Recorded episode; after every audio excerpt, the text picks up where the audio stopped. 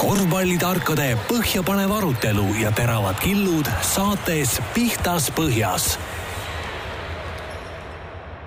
tere kõigile korvpallisõpradele, Tarkade klubi on jälle koos ja meil on täna eriline saade mitmes mõttes. esiteks, ma ei teagi, kas me peaksime natukene vabandama või ei peaks vabandama, aga, aga erandkorras siis tuleb saade välja teisipäeval ja miks veel on saade eriline, meil on kümnes saade, meil on ikka tõeliselt ümmargune number sel korral ja Tarkade klubis siis kohal Gert Kullamäe Ivar Jurtšenko ja külalisena tere tulemast, Johan Kärp. tere tulemast. tere ka minu poolt ja jah, siin mõnel mehel ei ole aega tööd, tööl käia, tööd teha, et käib siin äh, soojal maal puhkamas, äh, korvpalluritega lugusid tegemas ja, ja sellest äh, tulenevalt me peame üks päev hiljem tulema aga saates, saatega välja, aga. ei, ma saan nüüd aru su vihjest, et, et mis sul enda õigustuseks öelda on, eks. jah, et mis sul on enda õigustus öelda, aga, aga kui tänaste, tänase külalise peale ka mõelda, siis täna võib-olla tuleb selline suve erisaade, kus üks mees tuleb siin Tenerife saarelt ja teine tuleb suvepealinnast Pärnust, et äh, no millest räägime, hakkame ilmast või? ilmast pihta või? põhimõtteliselt vist sobiks küll.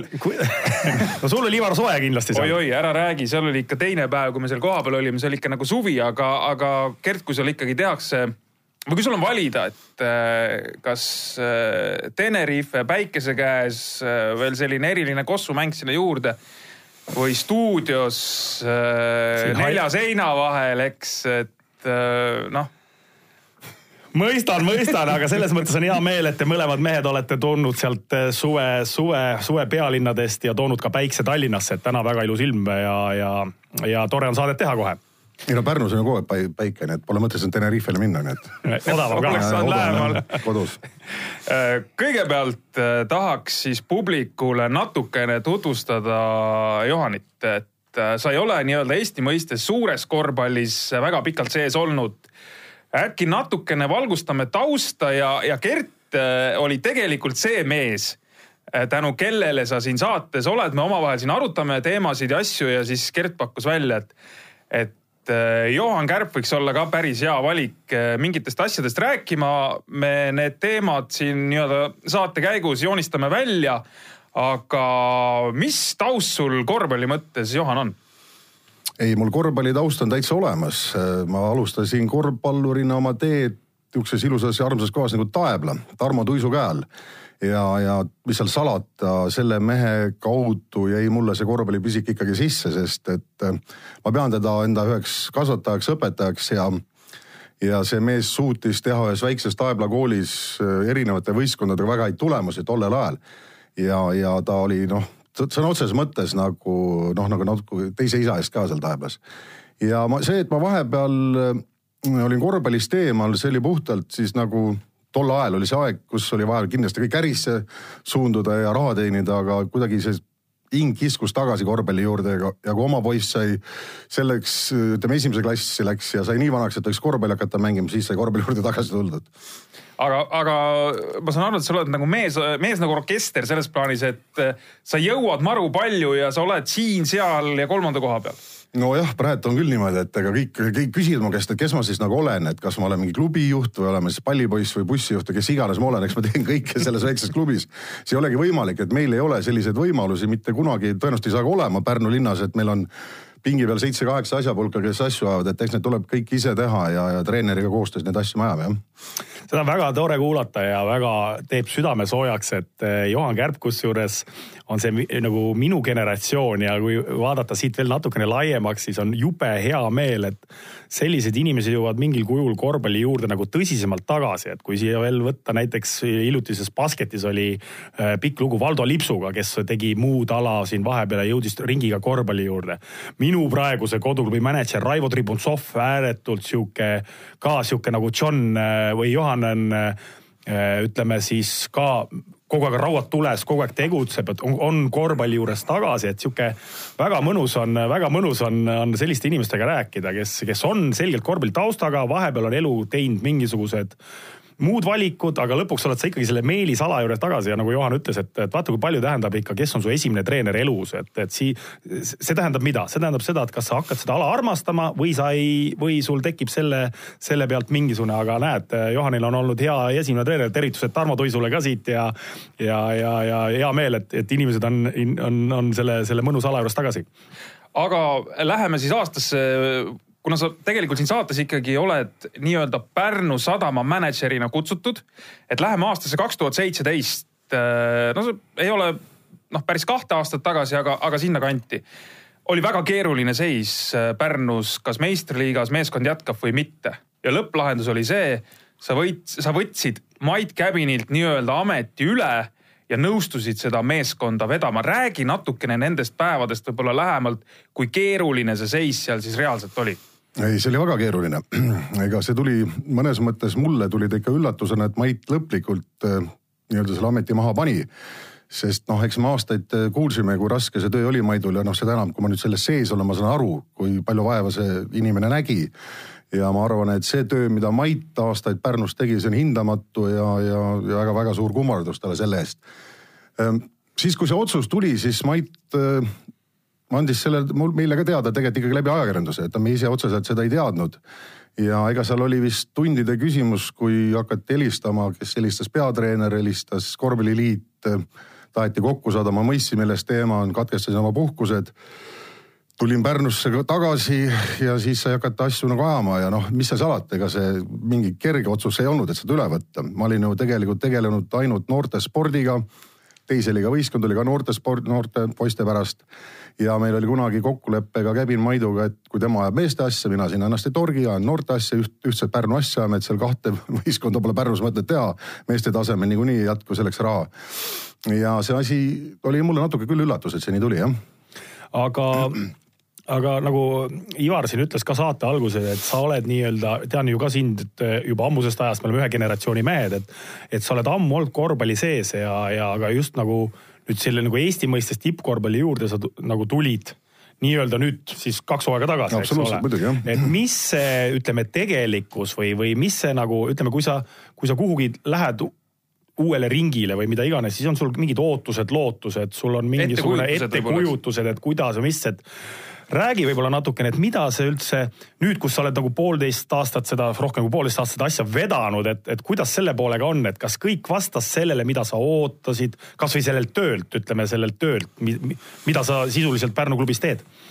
no ei ole kaugeltki nii jah et ikka tuleb üllatusmomente ka ikka. absoluutselt, absoluutselt, et noortesport ja, ja sellisel tasemel meeskonna vedamine on kaks nii erinevat asja, et neid ei anna kuidagi võrrelda kahjuks noh, eks mul oli mingid aimdused, et seal on raskused, eks see raha otsimine edasi, aga noh, ma sain väga palju tuge oma tuttavatelt, oma sõpradel, kes tunnevad mind, ütlesid, et John, kui sina ka raha Pärnust välja aja, siis ei aja keegi seda välja. see oli põhiline lause, mis mulle öeldi.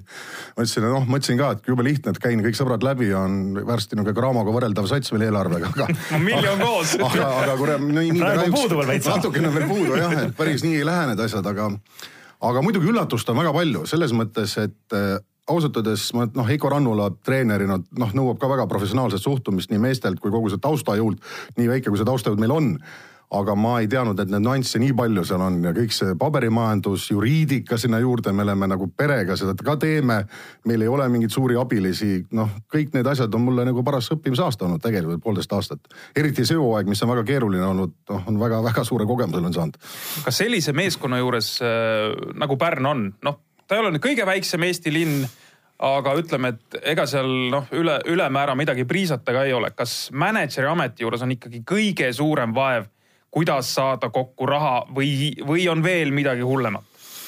no ma arvan, et üks asi on muidugi see raha, aga tegelikult on noh, laiemas pildis on ju see taust, milline selle võistkonna taust on selles kogukonnas, kuidas meisse suhtuvad pealtvaatajad kui nähtavad me oleme, kui palju me pakume intriigi, noh koostöö linnaga, neid noh nüansse on hästi-hästi palju ja minu ütleme, üks esimene eesmärk, kui ma selle võistkonna üle võtsin, oli see, et me peame rahvast saama saali rohkem kui on olnud siiani. noh, meil on aastaid olnud ju hea konkurent ja sõber võrkpall, kes on saali toonud rahvast täis. Äh, praegusel hetkel ma näen seda, et et me oleme nendest ette läinud just nimelt publiku arvus. ma ei tea, millest see on tulnud, kusjuures võrkpall mängib veel kõrgemal tasemel kui meie ju tänasel hetkel ikkagi võitlevad ka tegelikult reaalselt nagu esikoha eest et ähm, noh, see on pikk töö ja, ja ega me noh, ma saan aru, et neid noori täna saali on jube raske tuua, et need kõik see nutimaailm on nii huvitav ja nii tore ja seal saalis ma vaatan ka osad, me oleme teeme, teinud koolidele pakkumise, et tulge tasuta, siis äh, õpetajad viivad poolvägisi lapsed saali ja siis nad istuvad seal nutitelefonist, keegi seal korvpalli ei vaata vahepeal, et noh, et see on see nagu nõrgad kohad, aga aga ma ei ole nagu selles mõttes, ma ei viska püssi põõsasse, küll me seal rahvasaalis oleme. paneme Pärnu satsi finaali, siis on, ma arvan, maja täis meil. sa ise tõid siin praegu mängu selle võrkpalli ja ma just mõtlesin, et ma küsin su käest ka, et, et ütleme Pärnu-sugune linn, et eh, võrkpalli taust on ju tegelikult ajalooliselt Pärnus natukene tugevam kui korvpall. kuigi korvpall. isegi natukene tegelikult. ja no korvpallis on ka tegelikult on ju ka vanadel ei, aegadel on, on, mängitud ja, ja, ja tehtud asju kõik, aga just mõtlesin, et, et just nagu võrreldes selle võrkpalliga, et Pärnu ütleme noh, ei ole ole Eestis kõige suurem linn, ei ole ka kõige väiksem linn, et, et kaks sellist ala konkureerivad ühel, ühel ütleme noh, ühes linnas, pluss sinna juurde veel näiteks tuua jalgpall, eks ole. sellega ikka tänasel päeval juurde küsimus on, et kui raske üldse ongi nagu ütleme sinul korvpallimänedžeril nüüd nagu selles valguses just, et, et võitluses ka teiste aladega, et, et noh, ma ei tea, mis iganes, olgu see siis sponsoritest kuni lasteni tuua tuua neid vahendeid sinna oma alasse on loomulikult on raske, no Pärnu linnas on hästi palju erinevaid spordialasid, tegelikult paneme siia juurde kõik sõudmise, tennise väga tugev. et meil on väga sportlik linn ja meil on väga sportlik linnavalitsus tegelikult, kes on väga aktiivsed, käivad korvpalli vaatamas, ka võrkpalli ja nii edasi. Ja me saame aru, et linna rahakott on ju, ei ole piiritu ja eks me natuke ikka kõik omavahel konkurendid oleme, aga samas on häid näiteid, näiteks me olime alles hiljuti olime ühel sellisel demoüritusel võistkonnaga ühes ettevõttes, mida vist ei või siin praegu nimetada, eks ole. jah, me reklaami ei saa teha. eks ole, olime võrkpalliga koos, et tegime meie oma show selle ära, pealtpanemise võistlus, siis tegid võrkpallurid oma show ja olime ühiselt ja mõlemad saame sealt raha, nii et noh, kõik on jälle isiklikud tutvused, asjad, mis toimivad. aga noh, ma, ma ei arva, ma ei karda seda konkurentsi, pigem me üritame koostööd teha ja olla nagu head sõbrad seal linnas ja muidugi jalgpall on noh, nagu te kõik teate, lapsed on ju kõik jalgpallis, see on selge, meil on neid jalgpalliklubisid palju seal, aga mis seal salata, ega siis korvpall on ka omade traditsioonidega, omad lapsevanemad, kes tahavad just, et ta korvpalli mängiks, et kõik ka päris jalgpalli lähed, aga mis seal salata, me see aasta ka Pauluse klubiga hakkasime nüüd esimest korda tegema seda, et me oleme lasteaias anname trenne. kui me lasteaias trenne ei tee, siis esimeses klassis meil on need vähem nii et noh, elu nõuab oma ja peame tegema lihtsalt nii. vot see on hea näide, vaata, mida, mida Johan praegu räägib, et Pärnu-sugusel linnal, et just nimelt see, see koostöö, eks ole, et teha erinevate alade vahel, osata koostööd teha ja mina arvan, et eriti veel väikestes linnades on see eriti, eriti tähtis ja kui isegi suuremat pilti vaadates, siis olgem ausad, mis on Eesti spordis üks suur-suur miinus. ei osata, ei taheta koostööd teha hästi paljud kõik võitlevad iseenda eest, saaks oma saaks teist alad võib-olla natukene halvemas valguses näidata ja nii edasi, nii edasi, nii edasi, et ma arvan, see Pärnu see, see, see, see näide, et, et, et proovida teha koostööd, ma arvan, Eesti kontekstis me võiksime selle üldse võtta nagu mõnes mõttes noh, kõigil oleks lihtsam, kui me oskaksime või me tahaksime ka persoonide, ütleme, pinnal teha paremat koostöö, ma arvan, kõik alad võidaksid sellest tegelikult. no Pärnu, Pärnu teeb selle plaani ära või idee ära, mis sul oli siin Tallinna Kaleviga selles mõttes, et noh, et tekiks selline hästi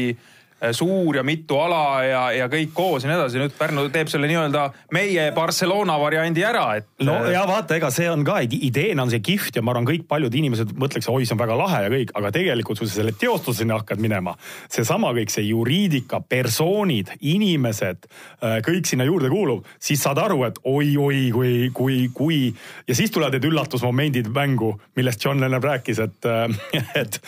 ei, nii lihtne see muidugi ei ole. nii lihtne ei ole, et kõrvalt vaadates no, tunduvad asjad alati lihtsamad. no pigem ma just mõtlesin nagu seda, et eh, noh, see koostöö all seda, et mitte mingil juhul üksteisele kaikaid kodarasse loopida, et noh eh, me oleme küll omalt poolt eh, nii-öelda oma Facebooki lehtedel, kui vähegi võimalik, kasvõi jaganud ka võrkpalliüritusi ja, ja, ja noh, ja, ja nemad ka vastu on seda teinud, nii et ma arvan, et see on pigem nagu okei okay,, mis me teeme praegu, nii et raha, ja muidugi loomulikult sponsorite juures me käime, linn on väike, ettevõtted ühed samad, seda ma tean küll, kus me mitme ettevõtte juurde jookseme koos, noh, kummale siis antakse, eks seda otsustab siis rahakott ise, meie seda ei pane paika, nii et. aga see koostöö on kindlasti teretulnud igal juhul.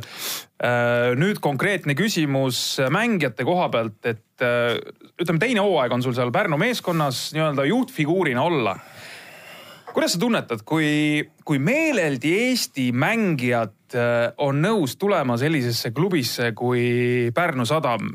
ma tean, et äh, siin hooaja eel noolisite ka neid mehi, kes kuuluvad Eesti koondisesse, näiteks Indrek Kajupank, aga Kajupanka te endale ei saanud.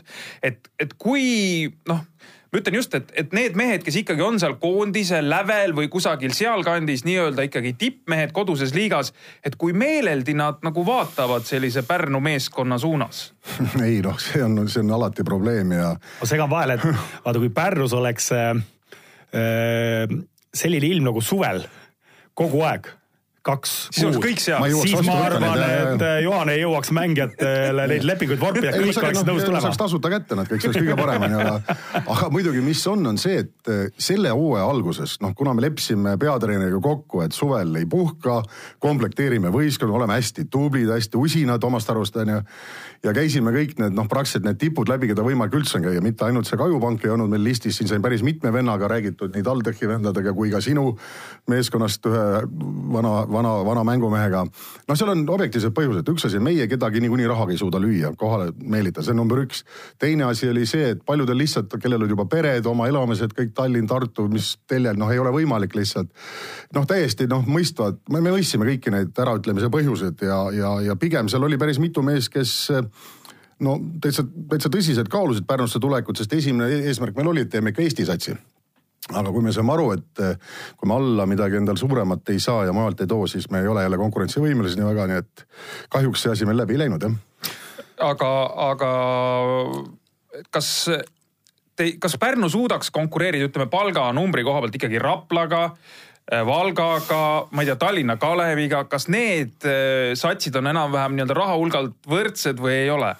muidugi ma siin sõber Karbiga, eks ole, on ju, kogu aeg räägime omavahel, kaks mänedžeri, ega siis ükski ei ütle teisele, mis see palganumber on või ükskõik kui hästi siin. kavaldate, kavaldate omavahel. jube kavaldamine käib. muidu on head sõbrad, aga kavaldamine käib. ja ühte sama meest jahime ja nii edasi, eks meil niisuguseid asju on, aga aga ma arvan, et noh, ma arvan, et need võistkonnad, mida sa ütlesid, on enam-vähem ikkagi suurusjärk samas, et noh, ega me nüüd siis nüüd nii vaesed ka ei ole, et, et me ei suuda siin natukenegi Raplaga ja Väikse Kaleviga võrrelda, onju, aga aga ma arvan see, et noh, küsimus ei ole alati just nimelt ka selles palganumbris, eriti on ju need tingimused, mida sa sellele mehele pakud seal Pärnus, kuidas temast, kuidas ta võib seal nagu areneda. no mis te pakute, kohta spaas siis näiteks või spaas saavad poisid. koos õhtusöögiga. spaas saavad mehed meil siis, kui nad võidavad, meil on väga konkreetne asi, ma tean, et mehed on hästi vähese aasta spaas saanud käinud, sest meil on palju kahtlusi aga, aga nüüd peale Tartu mängu on jälle uksed lahti, need oodatakse neid jah. aga noh sa ennem ka ütlesid, et, et siin see mängijate see, et need Eesti mängijad või mittemängijad, et kas ei ole ka, et võib-olla nagu mõnes mõttes nagu ikkagi paratamatus, et kui vaadata üldse neid linnasid, ütleme, kui me räägime Eesti mõistes nagu nendest suurtest korvpallilinnadest, noh, võib-olla jätame natukene nagu Tartu praegu nagu kõrvale, aga näiteks Rakvere, Rapla, nüüd ka Pärnu, eks ole. et siis vaata, mul on nagu meeles see, kuidas kunagi oli Rakveres palju eestlasi siis hakkas tulema palju välismaalasi. Rapla oli palju eestlasi, mäletan neid jutte isegi, kus Rapla, et teeme ainult oma Eesti meestega. tänasel päeval on viis välismaalast Raplas.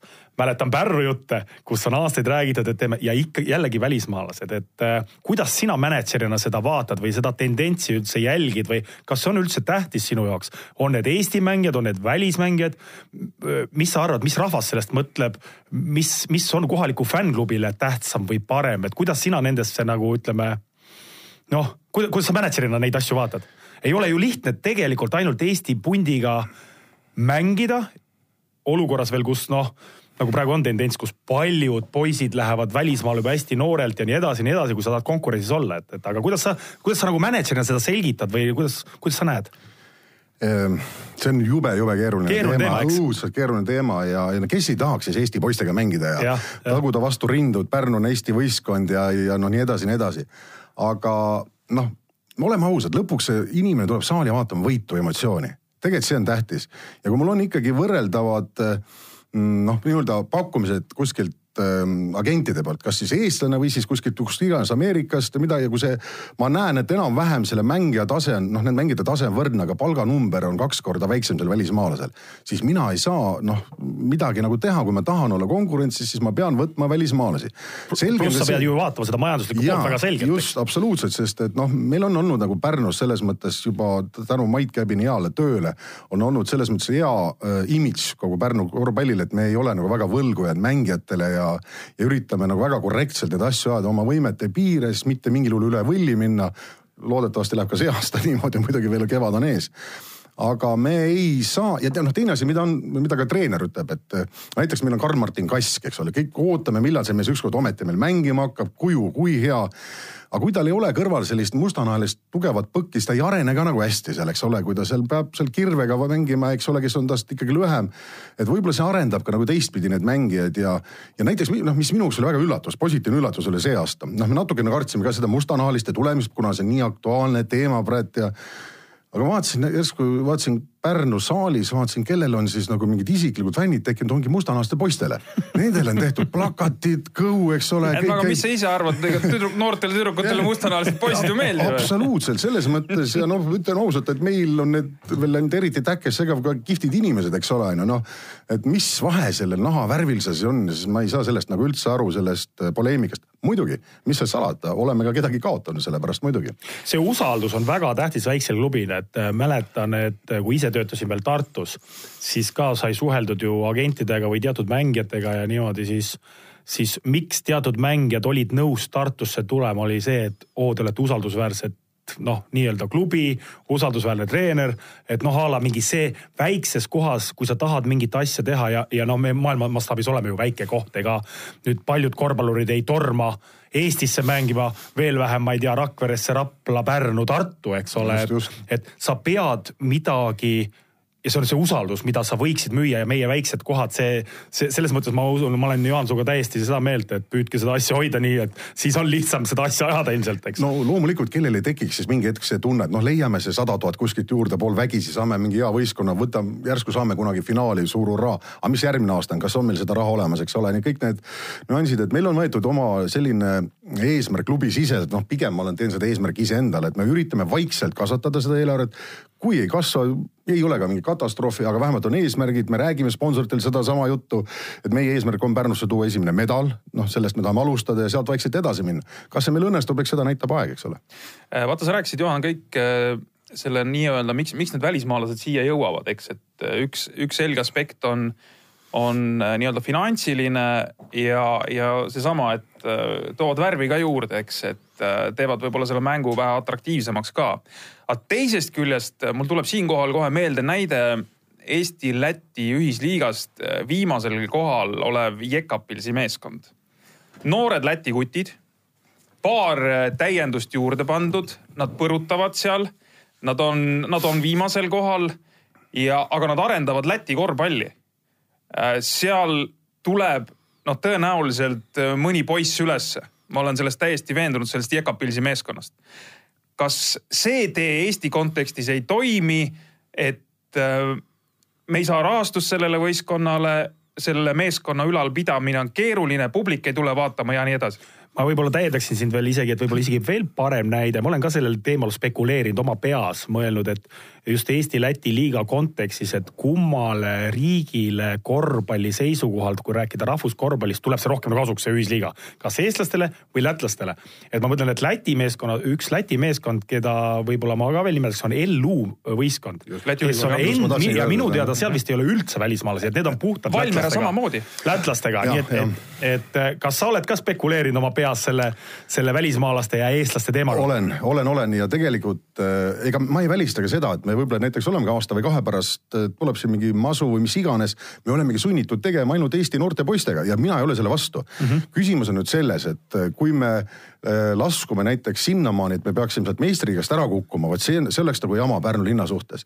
et ma pean seda balanssi igal juhul hoidma, et me päris viimase otsa sats ka ei tahaks olla, onju noh. ja, ja saalist rahvast ära kaotada ja pärast tagasi võita ei ole kindlasti väga lihtne, et noh, eks see, eks see on iga hooaja algus on see komplekteerimise küsimus nii ehk naa saab olema põhiteema kui me saame noori vihaseid Eesti poisse, osad näiteks ära meelitada, noh Gert, sinu poisid tooks hea meelega, eks ole, aga nad ei tule, eks ole, neil on mm -hmm. omad eesmärgid, nad tahavad kaugemale purjetada, ta ei tule. aga tead, kuidas tuleb?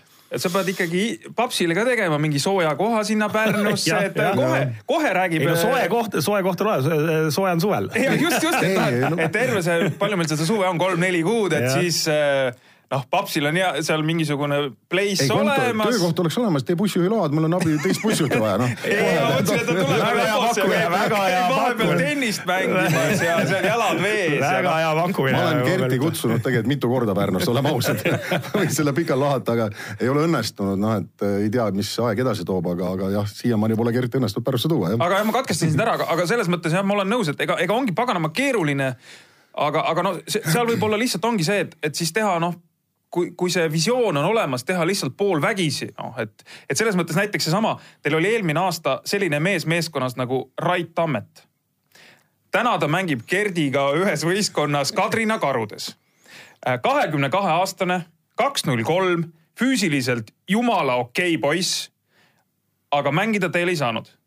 ma, ma ei, ma üldse selles mõttes ei ole kriitika praegu, aga lihtsalt nii-öelda fakt on see, et ta mängida teie juures ei saanud ja nüüd läks teise liigasse. kas selline kutt ei võiks mängida ikkagi kõrgemal tasemel Eestis? ei no Raitu me ootame igal juhul tagasi, tähendab, tema oli tegelikult üldse sõjaväega seoses ja, ja Tributšov Raivo helistas mulle, küsis, et kuule, poiss on seal sõjaväes passib, et Raivo sellise aktiivse vennana ütles, et ma toon ta ära, viin ta kohale ja panen ta mängima ja sõber paneb ta mängima, jumala hea, et nad sellise asja tegid. see on super ja, ja, ja Rait on väga hea kuju ja, ja me oleme, me loodame temast veel kindlasti mängumees saada, nii et eh, las ta teeb üks aasta, möllab seal sõbra käe all ja Kullamäe partnerina tegelikult see on talle ainult ju super, eks ta saab mängida kõvasti, ta oli eelmine aasta muidugi, meil oli ka ju teise liiga sats, ta sai mängida ka. ega sellest, selle taga nüüd asi ei olnud. aga ütleme, mis tal nagu siis puudu jäi eelmine aasta? tead, need on niisugused küsimused Veiko Rannulale rohkem, et ma ei hakka siin vahel ütlema, miks ta talle mänguminutid nii vähe andis, ju seal noh, mingid asjad, aeglasemad mõtlemised, mis iganes, aga noh, füüsiline ja kuju on ju vägev, sellist venda ei tohi ka kuskile ära kaotada kuskile noh. see on selles mõttes nagu hea näide, et äh, vaata, et Eesti esiliigast või teisest liigast võib leida täitsa selliseid, selliseid nagu no Toorik no ütleme, ütleme jah, mingis mõttes, selliseid eks. kehasid mm, -hmm. kes täitsa võib-olla mingil põhjusel on kuskil või noh, näed nagu praegu tuleb välja, on ta on sõjaväes, ma saan aru Ja, jah ja. ja,, sa näed sõjaväes ja sellised mehemürakad on ju ja, ja, ja, ja võib-olla neid veel, me ei tea, et et noh, tead lahe, et iseenesest sihuke nagu täitsa kohe niisugune nagu lugu, eks ole. see lõppkokkuvõttes on kõik, vaata kõik mehed ei pea jõudma ju tippkorvpalli kuskile, kus me mõi- noh, nii-öelda ma ei tea, seal Hispaania liiga, mis iganes. et tegelikult ju see, et, et koduses liigas ju peab ka olema noh, selliseid normaalseid keskmikke mängumehi ja, ja noh, et, et see muudaks ka seda üldist pilti nagu ju rõõmsamaks ja ägedamaks ja just, et, et siis mahuvad meie mehed ka sinna nende välismaalaste vahele. ja, ja noh, mina täiega naudin praegu seda Eestis toimunud esiliiga ja teise liiga turniire ma ei, tähendab nii palju, kui mina tean, ma ei mäleta, et need oleks nii intriigi täis ja nii lahedalt asju aetakse, noh võtame seesama Kadrina karude näide, eks ole. no müts maha sellise Raivo Tribantsovis, keda ma tõesti ka tunnen kaua ja kes ka ikka aeg-ajalt helistab, et võtab mult ühe mängija, teise mängija, ta paneb sealt Kadrinas mängima, jumala õige. meil, meil on ka Mihkel Kersalu mängib seal Kadrinas ja, ja, ja, ja vot kui niisuguses kohas aetakse südame ja hingega asju, siis noh, küll seda kandevinda meil tuleb ka ja, ja seal võivad ka avaneda mingid vennad nagu see Rait Tammet näiteks. ma olen vaadanud ka tegelikult see Kadrina karude statistikat, noh loomulikult, et ta seal võtab need lauapallid maha ja paneb ka punkte, eks ole. kui ta nüüd sulle suudaks tulla noh, järgmise sammu peale meistriliigasse, seal ka hakata tegusid tegema, siis oleks see ju vägev no tegelikult. ja, aga eks me peame ikkagi ka selgelt ikkagi aru ka andma, et üks ikkagi asi on ikkagi meistriliiga.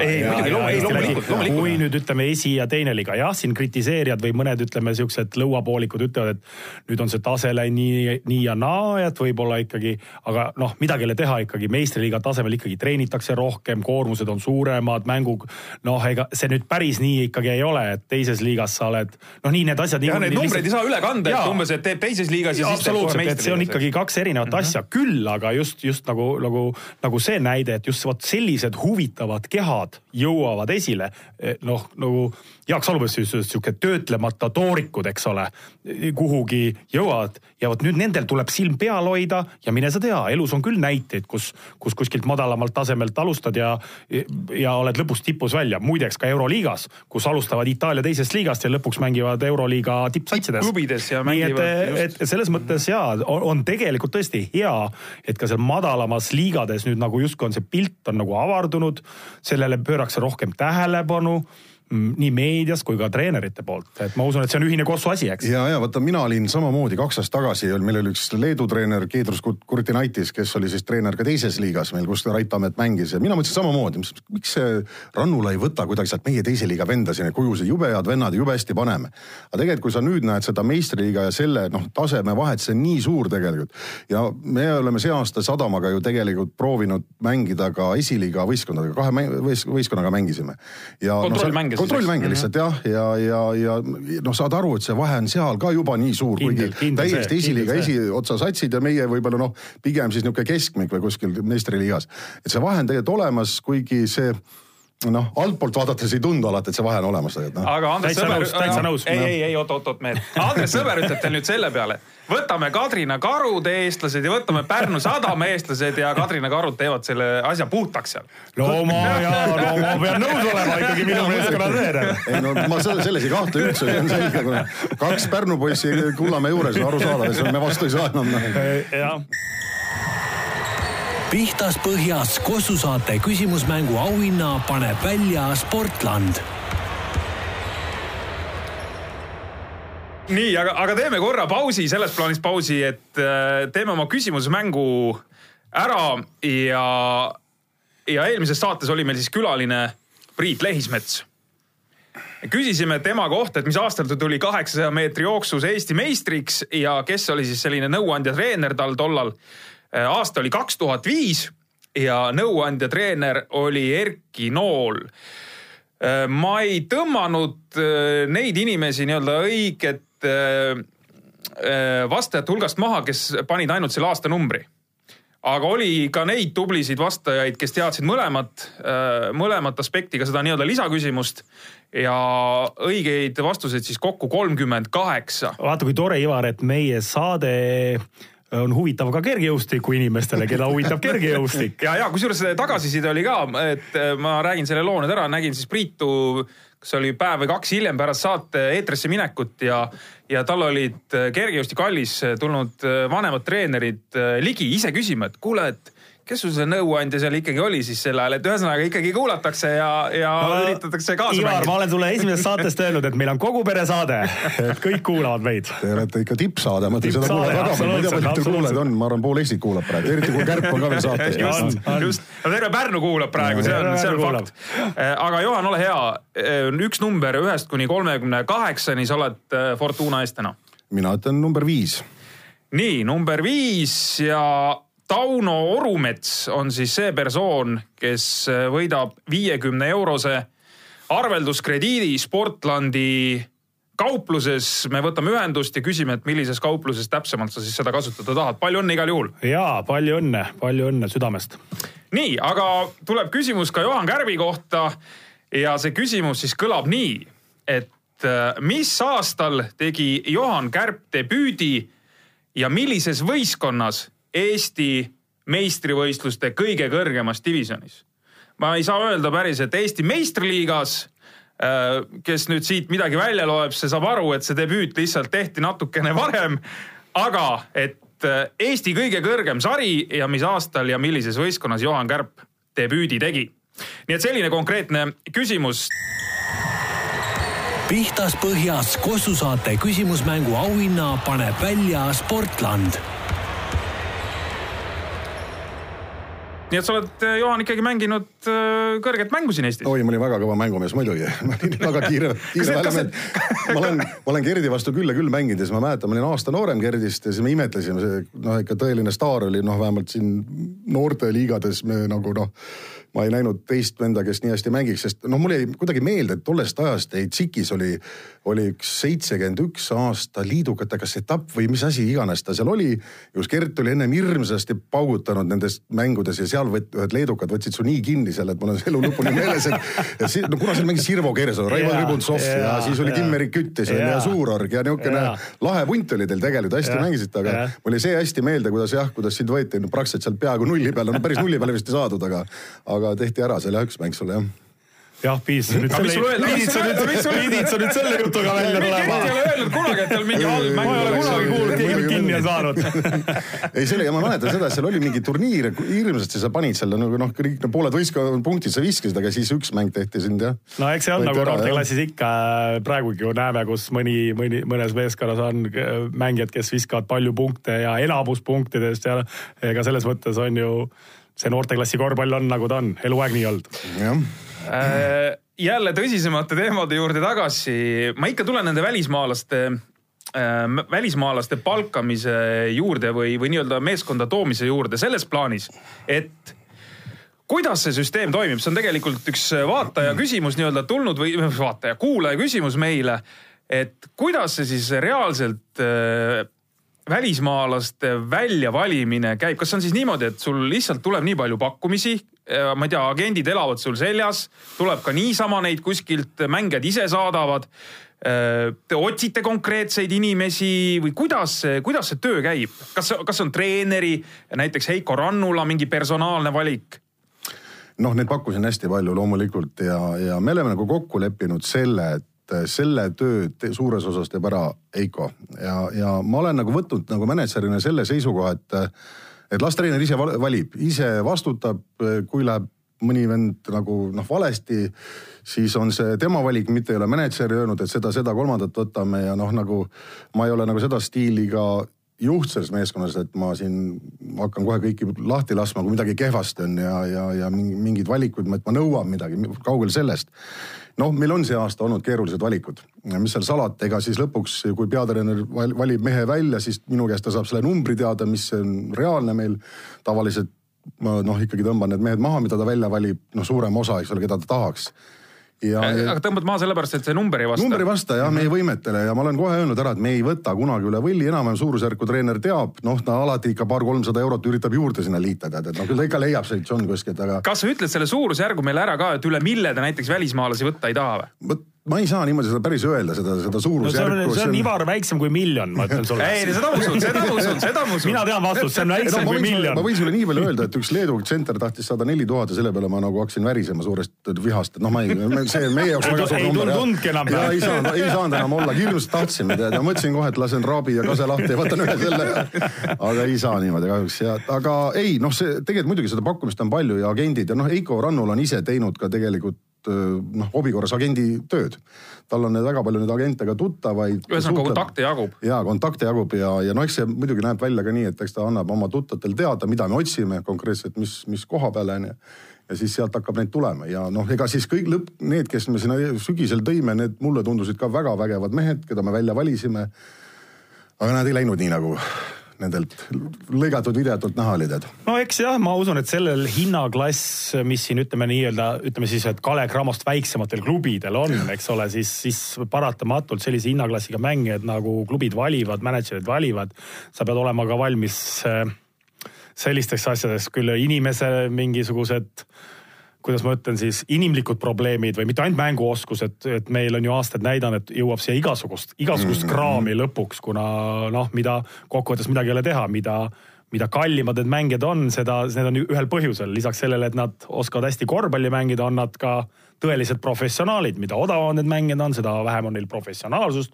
küll aga vahel võib, võib, võib vedada. no mul jäigi ju meelde meie suvine jutt, Gert mäletad, sa rääkisid Jah. ühest mehest, kes sul siin oli, et ei saa lahti Jah. ka, eks ole no jube jama on ju ja jube jube ohtlik on niisuguste vendadega, et noh, seda tausta me tahame teada saada ja meil nüüd, nüüd viimased poisid, kes on tulnud noh, selle koha pealt, mis puudutab seda inimlikkust ja seda nii-öelda haridust ja noh, tõesti väga intelligentsed, kihvtid poisid ja, ja meil on see väga oluline, et me ei taha sellist eh, jama enda satsi küll kuidagi, kuidagi võtta, et noh. Aga- õnneks on läinud päris see aasta. aga välismaalastel on ikka nii, on ju, et, et ega ju ei ole mõtet teha, kui sa teed äh, isegi sellise noh, nii-öelda garanteeritud lepingu mängija jaoks, mitte üle ühe hooaja korraga, eks, ei tehta vist, ei ole või ei ole mõtet teha. No ütleme reeglina noh, minu kogemus ütleb seda, et eh, need vennad, kes siia tulevad, ega nad ei taha ise ka seda teha, et noh, neil on, kui ta tuleb siia väiksesse klubisse, ta eeldab, et ta teeb siin hea hooaja, ta saab siit edasi kuskile parema. parema palga peale, paremasse jah, et minema siit ja ega ma tänaste meie mustade poistega olen ka seda ju teemat arendanud, et kui teil on ikkagi tõesti head pakkumised, me ei ole selline klubi, kes teid hirmsasti kinni hoiab, mingid tingimused oleme kokku leppinud. ja, ja soovime poistele ainult kõike paremat ja lähevad edasi, eks ole, et noh, meil ei ole sellist võimekust, et me suudame väga kinni hoida mehi, kui on, kui on keegi tõsiselt tahab ära minna ja ma no, arvan, et meil siin ühe mehe suhtes juba tegelikult juba vaadatakse täna konkreetselt ja ma arvan, et järgmine aasta see mees on juba hoopis teises klubis. ma tahtsingi siit küsida kohe otsa, et, et kas teil on õnnestunud välismaalaste palkamisega raha ka teenida? et ei ole jah? ei ole mm, -hmm. ei ole sellist asja meil pole olnud et eh, kas et nii-öelda võib-olla see võtate... mänedžeri kogenemat, kogenematus või lollus veel, aga ma ei tea, meil seda kuidagi õnneks ei ole läinud veel jah. et ühesõnaga võtate mingi väljaostusumma on sees ja, ja siis keegi teine klubi ostab selle ära, et sellist ei, asja ei ole juhtunud? minu, minu praktikas veel ei ole jah sinul on? no? Juhan on ka veel vaata noor mees siin business'is poolteist aastat ainult, eks ole. ei no mina pole mänedžeri. ei, ei mitte mänedžeri, no selles mõttes, et teie klubis, kus sa ütleme siin oled erinevates klubides olnud, et ikka vist on juhtunud või? hea küsimus täitsa, kui ma praegu hakkan mõtlema, siis. sa ei ole ühtegi head valikut teinud siis niimoodi kes on läinud, kui mina kas oli Rait Veine, Veidemann läks võib-olla Tartust ära Saksamaale? kas ja kuidas klubi, kuidas mina ütlen täiesti ausalt, ma ei tea, et see on küsimus äh, pigem mänedžerile või, või, või seal klubi omanikele, et ega ma sellest asjast küll ei teadnud. mul treenerina oli hea meel lihtsalt, et oh, näed, et Rain sai võimaluse minna suuremasse mängu ja, ja võib-olla sai natuke siis ka kaasa aidatud nii-öelda, aga, aga ei enamat, eks ole, aga nojah, ma arvan, et Eesti kontekstis ikkagi, et kui sa tahad nagu teenida mängijate pealt nagu korralikult teenida, siis ilmselt Kalev Cramo on see klubi küll, kes võib teenida, meil on siin ju näiteid olnudki, kus siin mängijad tulevad, kes lähevad suurematesse klubidesse ja siis on tõesti see võib-olla teenimise koht. ma kardan, et väiksematel klubidel seda no, varianti väga ei ole. väga teenimise kohta vist ilmselt ei ole, võib-olla sa saad väikse väikse, kuidas öelda siis, väikse kopika võib-olla või? no just, just ei, ei siin nagu business'ist on asi ikka väga-väga kaugel kindlasti ja noh, ma ütlen, et need palganumbrid, mida meie pakume, need inimesed, kes sealt tulevad ja need mängijad, nad tõenäoliselt ei ole nõus ennast ära siduma niimoodi selle pisikese kopika pärast ja nüüd pane veel ennast kinni ka kuidagi siia, et noh noh, loomulikult, eks me alati üritame seda proovida ja pakkuda, aga, aga noh, me ei ole sellega kuskile jõudnud tegelikult üks asi, mille poolest Pärnu meeskond tegelikult veel silma paistab Eesti-Läti ühisliigas siis praegu on tegelikult ka see, et teil ikka see fännlus on ka klubi juures täitsa korralikult olemas, ütleme siin Rapla, Pärnu, Kalev Cramo, noh natukene on ju, et äh, Tartul võib-olla enam mitte nii väga või, või hakkab see jälle taastuma, et, et see fännluse värk äh, Pärnus ikkagi toimib. Meil on fännid väga lahedad, meil tõesti nad käivad ju kaasas ka ja, ja, ja nüüd ka Tartus oli ja noh, isegi Cramo mängule tuli väike seltskond kohale, nii et ilma, ilma fännita me päris ei ole olnud ka välismängudel aga noh, meil on ka inimene, kes seda veab, Margit Käbin, noh ta ikka näeb tõsist vaeva selle seltskonnaga, veab, tellib bussid ja kõik edasi, noh tõsiselt lahedalt aetud asi ja. oota, minu teada ta fännib hoopis ühte teist võistkonda seda me nagu räägime kogu aeg, et kumma, kumma, kumba sa nüüd fänn oled. mehele räägib kodus mingit ühte juttu. väga kahtlane värk, väga kahtlane värk. päris hästi aru ei saa ka ja, aga vähemalt meile ta ütleb, et raudselt Pärnu, no see on selge noh. ja sa usud, sa usud. mina olengi lihtsam inimene, ma usun kõik need asjad ära muidugi noh. ei, aga noh, tegelikult äh, Margit aitab meid jah igatepidi selles mõttes, et ta on kogu selle meie nii-öelda sotsiaalmeedia kuvand on tema teinud ja minu meelest ta teeb seda ikkagi väga hästi ja me oleme seal väga hästi nähtaval ja ma olen väga rahul sellega, selle abiga, muidugi. aga on fännidega muresid ka? ma pean, ma pean silmas, et, et okei okay,, tore, et nad on, aga, aga võib-olla on ka mingisugused pooled, kus nad noh, tekitavad, ütleme sellist, ma ei tea, lisapinget või, või, või. et mõtled, et parem oleks, kui teda poleks? jah, et umbes, et vahest tuleb tunne, et miks nad jälle tulid või ma ei tea noh ei ole midagi tegelikult, eks seal on loomulikult värvikaid kujusid ja kui me kehvasti mängime, öeldakse krõbedalt ka, ega see on, see käib asja juurde. absoluutselt ja, ja., ja selles mõttes mul on jube ja poistele näidata, vaat mida fännid kirjutavad, et noh, mis teeme nüüd siis, eks ole, et nii, et, et ega mina olen selle fännide tulihingeline toetaja, kui neid meil saalis pole, siis no kellele me seda asja ajame siis, nii et noh, väga lahe, meil on see olemas jah. kas Pärnu-sugusel linnal on äh, korvpallifännid ja võrkpallifännid samad või käib ka seal väike sihuke ri, rivaalitsemine? seal äh, rivaalitsemine minu meelest ei ole, aga ma tean, et paar tükki küll kattuvad, kes käivad mõlemal ja minu arust Pärnu võrkpalliklubil on fännid väga lahedad.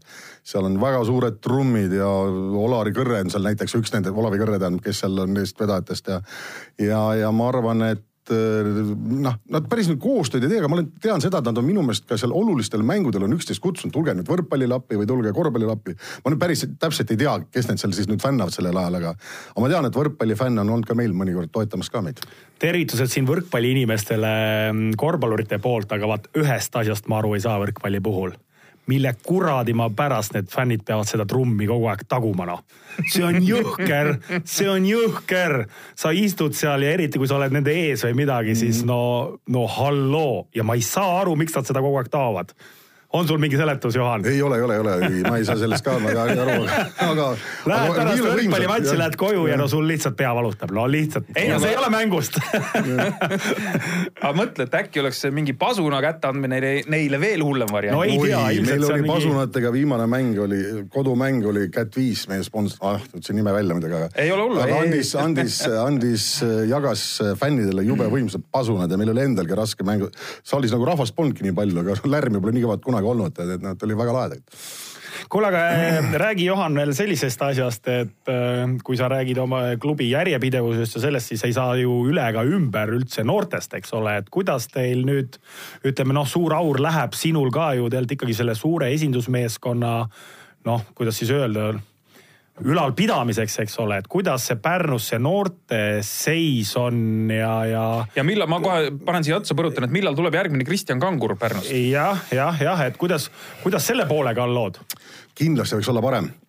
seal me oleme Maiduga kunagi seda ka arutanud, et võib-olla mingid asjad on kuskil olnud valed otsused, aga täna on meil, tegime nüüd sellise käigu, et kui mina võtsin meeste asja üle ma andsin, noh, meil on Maiduga ära jaotatud ka korvpalliklubi Pärnu ja korvpalliklubi Paulus. jagasime nelja aasta kaupa nagu noored ära, neli aastat võtab üks klubi, neli aastat teine. et me omavahel ei konkureeri, leppisime kokku ja nüüd äh, ma andsin Pauluse neli aastat poissi, andsingi otse Maidu treenida. ma tean, et Mait teeb seda tööd südamega ja väga hästi, me loodame sealt juba järgmisi kangureid.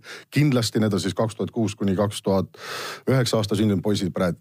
ja meie nüüd, nagu ma ütlesin, läksime siis lasteaeda, meil on kaksteist ja kolmteist sündinud poisid ja Kalle Kollin tuli Märjamaalt meile nüüd teiseks treeneriks ja siis seda noorte asja ka vedama, kes teeb oma tööd väga hinge ja südamega, väga kohusetundlikult. et ma nagu näen tulevikku küll positiivselt ja ja, ja tuletame siis meelde, et Pärnus ei ole mitte ainult noormeeste või poiste korvpall. ja, ja on ka tütarlaste muidugi, seal on spordikooli all on tüdrukud ja väga-väga tublid toimetavad. Katrin Kallit, ta tuli küll alg-, alustas äh, Pauluse ehk siis minu klubist sai ta ka tegelikult meelitatud Paidest ära, aga noh, siis ta mingi hetk läks nagu spordikooli oma tüdrukutega üle, tal oli lihtsalt lihtsam seal asju ajada. aga nende töö on väga korralik ja tüdrukuid on palju ja võtavad medaleid noorte meistrivõistlustelt, ainult, ainult edu neile no millal siis äh, Kristjan Kangur tõmbab Pärnu särgi omale selga ja jookseb väljakule, annad täna selle aastaarvu või kuupäeva ka? oi, kui te, kui palju seda küsitakse ja seda ju küsivad mu käest fännid ja pealtvaatajad ja üldse kõik, kõik, et too, too see kangur lõpuks lõpetama Pärnusse. no ta mängib ju veel nii hästi, no me ei saa veel seda. liiga hästi teie jaoks. ta liiga hästi veel mängib, me ei suuda veel talle seda maksta, see on selge.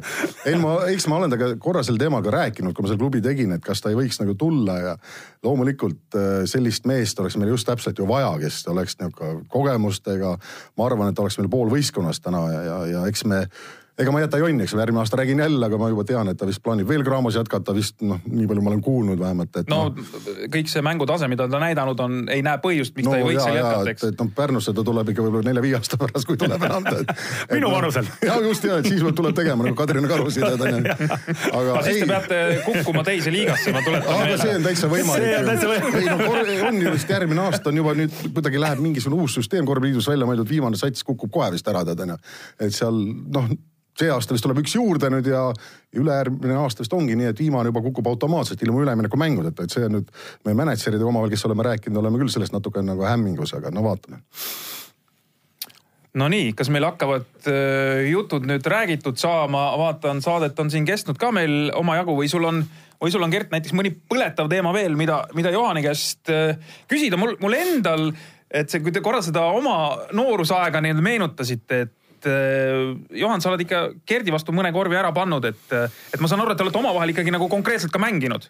Oleme, ja, ja, ja oleme küll mänginud, sest et äh, mina mängisin tol hetkel, ma käisin SIK-is ja, ja siis meid võeti nii-öelda tolleaegsesse Lenini rajoni spordikooli Aavo Mae oli vot seal veel treener ja nii et siis me mingeid mänge mängisime, aga, aga mitte vist väga palju ka ei ole, sest kuidagi see aastad olid seitsekümmend üks ja seitsekümmend kaks. erinevad erinevad aastakäigud, et meil neid, pigem vist sattusime seal juba seal meistriliigas korra vastamisi, midagi taolist võis ka olla, nii et ja ei, minul ei ole põletavaid küsimusi, minul on lihtsalt veel kord see, see teema juurde tagasi tulles, mis me siin alustasime, et ikka kuratlikult hea meel, et eh, inimesed jõuavad ringiga, kes vahepeal käivad eh, kuskil mujal, teevad asju ja jõuavad lõpuks korvpalli juurde jälle tagasi. Ja vot see on tähtis Eesti korvpallile, et inimesed, kes nagu südamest asju teevad, et nad on ala juures, ükskõik mis viisil, nad on ala juures ja, ja see on kuratlikult tähtis, eriti meil väikses Eestis. Ja, ja Juhan Kärp on nagu hea näide ja ma ütlen, neid nimesid võib veel ja veel ja veel tuua tuua ja kellel siis kas lapsed mängivad või, või, või niisama see ala meeldib või nagu siin ennist sai räägitud, et treenerid, esimesed treenerid süstib sulle nii hea pisiku, et see ei lähe sult välja, et või siis oled näiteks kasvõi mingi veterankorvpall, veteran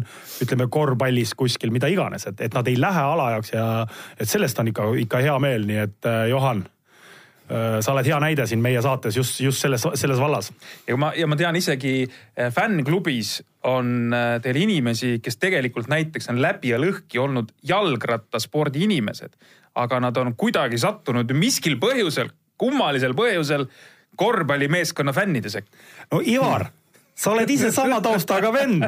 ma räägin, no korvpall on ülim ja ei no tegelikult noh, ütleme nii, et vaata Gert, sa ütlesid ilusti, et siin niisugused äh, entusiaste peab olema, aga noh, teine asi, mis mulle jääb nagu silma, on viimasel on ka see, et äh, kuidagi vahepeal oli kuidagi väga palju negatiivsust korvpalli ümber ja ma ei tea, noh, ma ei hakka üldse ütlema, kas. täitsa, täitsa õigel teel oled. aga kuidagi on läinud see asi nagu natuke minu meelest paremaks ja positiivsemaks ja noh, siin noh, kui sellised saated nagu teie teete ja ka Gert oma positiivsusega, eks ole, igal pool räägib asju positiivselt. no peabki rohkem seda panema, et noh, kaua me paugutame siin üksteise vastu. ja eriti meil ala ja. sees ka, meil on seda nii palju seda ala sees isegi, no rääkimata just, riigist, kus meil just. siin käib kõva andmine, siin räägitakse igasuguseid asju, et aga just, et äh, ma arvan, et me peame, peame, kui me tahame oma, oma ala edendada, siis me peame ikkagi nagu seda tegema nagu tõesti südamest ja koos ja, ja, ja noh, kõikides asjades ei pea olema nagu käsi püsti ja, ja kõik, aga meil peaks ikka ük, üks suund olema küll korvpalliinimestel, et, et kuidagi läbi positiivsuse seda, seda asja, seda asja vedada nii-öelda just need, kes, kes, kes seda asja veavad, eks